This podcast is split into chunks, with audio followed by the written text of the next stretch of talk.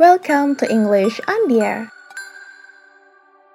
With your host, Eka, a chubby bunny fatty girl, coming to you from a small air studio.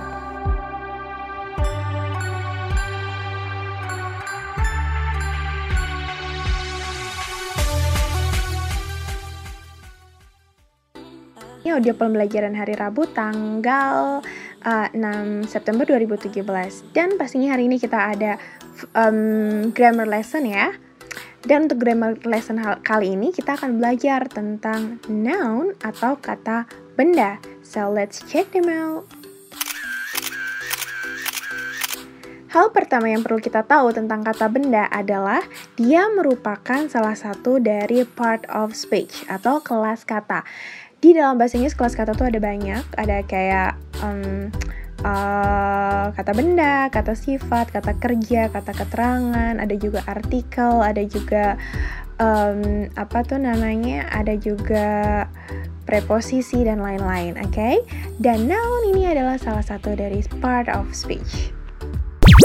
Hal kedua yang perlu kita ketahui tentang noun atau kata benda adalah dia pasti mencakup segala sesuatu yang berkaitan dengan manusia, ya jadi kalau ngomongin manusia itu berarti uh, kata benda atau tempat kayak restoran sekolah uh, rumah sakit um, rumah jalan dan lain-lain itu termasuk juga kata benda atau dia juga bisa mencakup kayak binatang-binatang kayak um, kerbau, sapi, ayam, um, bebek dan lain-lain ya.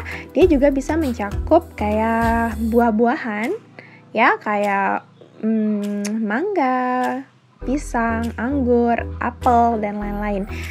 Selain itu juga dia termasuk kayak hal-hal atau things gitu ya, kayak misalkan kebebasan atau um, kebahagiaan, kesedihan, itu juga masuk ke dalam kata benda um, banyak ya macam-macam kata benda itu mungkin teman-teman udah paham ya tanpa diterangin secara teoritis. Pokoknya kalau misalkan memakan itu bukan kata benda. Kalau memakan itu kata kerja karena melakukan aktivitas uh, mengkonsumsi sesuatu ya, memakan. Kalau ada imbuhan me, biasanya dalam bahasa Indonesia itu kan artinya untuk keterangan kata kerja ya. Memakan artinya dia apa namanya kelas katanya atau part of speech-nya adalah kata kerja bukan kata benda. No no no no, bukan, oke? Okay? Kalau mm, makanan baru dia kata benda. Ya, eat itu kata kerja, kalau food itu baru kata benda, makanan. Oke? Okay? Kalau misalkan bahagia apa? Kata benda bukan. No, bahagia bukan kata benda. Bahagia itu kata sifat. Happy itu kata sifat. Tapi kalau ada imbuhan kesamaan di dalam bahasa Indonesia jadi kebahagiaan itu baru kata benda. Ya, di dalam bahasa Inggris happy jadi happiness, ada imbuhan-ness. Jadinya kata benda. Ya, kalau happy doang itu kata sifat, kalau ada ness-nya, happiness itu artinya kata benda. Kebahagiaan, bahagia sama kebahagiaan beda ya. Nah, jadi harus bisa bedain. Apalagi sama misalkan hospital hospital sama at atau in the hospital itu beda ya. Kalau in the hospital itu namanya keterangan tempat. Ada karena ada kata depannya in, di, di rumah sakit in the hospital. Itu kata keterangan tempat. Tapi kalau misalkan hospital aja, rumah sakit aja itu baru kata benda. Ya, jadi teman-teman harus bisa bedain kata benda itu apa uh, aku yakin banget teman-teman tahu lah kata benda kalau suruh nyebutin itu pasti tahu.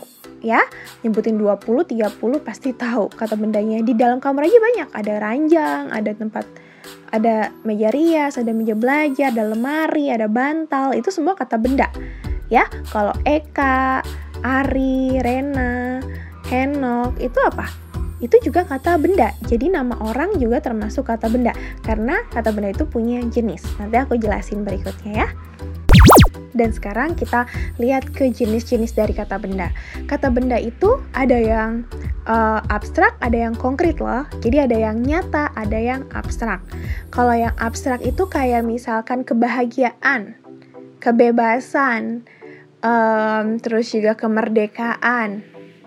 Ya, itu semuanya adalah abstrak. Kenapa disebut abstrak? Karena kita nggak bisa melihat, nggak bisa meraba, bandingin sama meja. Meja table juga kata benda ya. Tapi itu disebutnya kalau table itu termasuk ke dalam kata benda yang konkret. Kenapa? Karena kita bisa meraba, kita bisa melihatnya, kita kalau kebentur juga, aduh sakit banget gitu ya. Maka itu disebut sebagai concrete noun. Beda sama abstract noun ya. Abstract noun tuh yang cuman di awang-awang aja, Eh, nggak uh, ada bentuknya yang bisa kita lihat gitu loh. Tapi kan Mbak Eka, kalau kebahagiaan itu kan aku bisa ngerasain bahagia. Iya, memang bisa ngerasain, tapi merasakannya itu kan di dalam hati, bukan merasakan kayak contohnya dijilat gitu. Nggak mungkin kan kebahagiaan dijilat, nggak mungkin.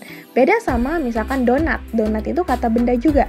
Tapi itu dirasakan juga, tapi dijilat pakai indera pengecap ya itu disebut concrete noun. Donat itu concrete noun. Tapi kalau kebebasan kebahagiaan ya memang kita merasakan ini bahagia jadi senyum. Tapi itu abstrak ya. Kita nggak bisa mengecap menjilat kebahagiaan nggak bisa dong. Um, contohnya banyak. Kalau kayak concrete noun tuh ada table ya meja ada window jendela ada people people ya orang itu. Uh, misalkan ada juga hair, rambut itu juga konkret, ada hospital, rumah sakit gitu-gitu. Jadi pokoknya yang kita bisa lihat aja, bisa kenali dengan indera kita. Kalau abstrak kayak tadi, freedom ya, kebebasan, happiness, kebahagiaan, sadness, kesedihan gitu. Alright, um, tadi penjelasan singkat tentang kata benda atau noun. Mudah-mudahan teman-teman paham, tapi kalaupun enggak, please just feel free untuk bertanya, oke? Okay? Feel free aja uh, untuk tanya ke aku atau yang mau praktek pakai kata benda silakan. Dan aku ada tugas kecil-kecilan buat teman-teman. Um, yang berani ya, yang berani ambil tantangan aku, please, please, please sebutkan 20 kata benda ya. Entah itu yang berkaitan sama tempat ataupun sama apa pun itu yang penting kata benda ya boleh abstrak boleh konkret. Oh no. Okay that's for too much it and see you later. Bye bye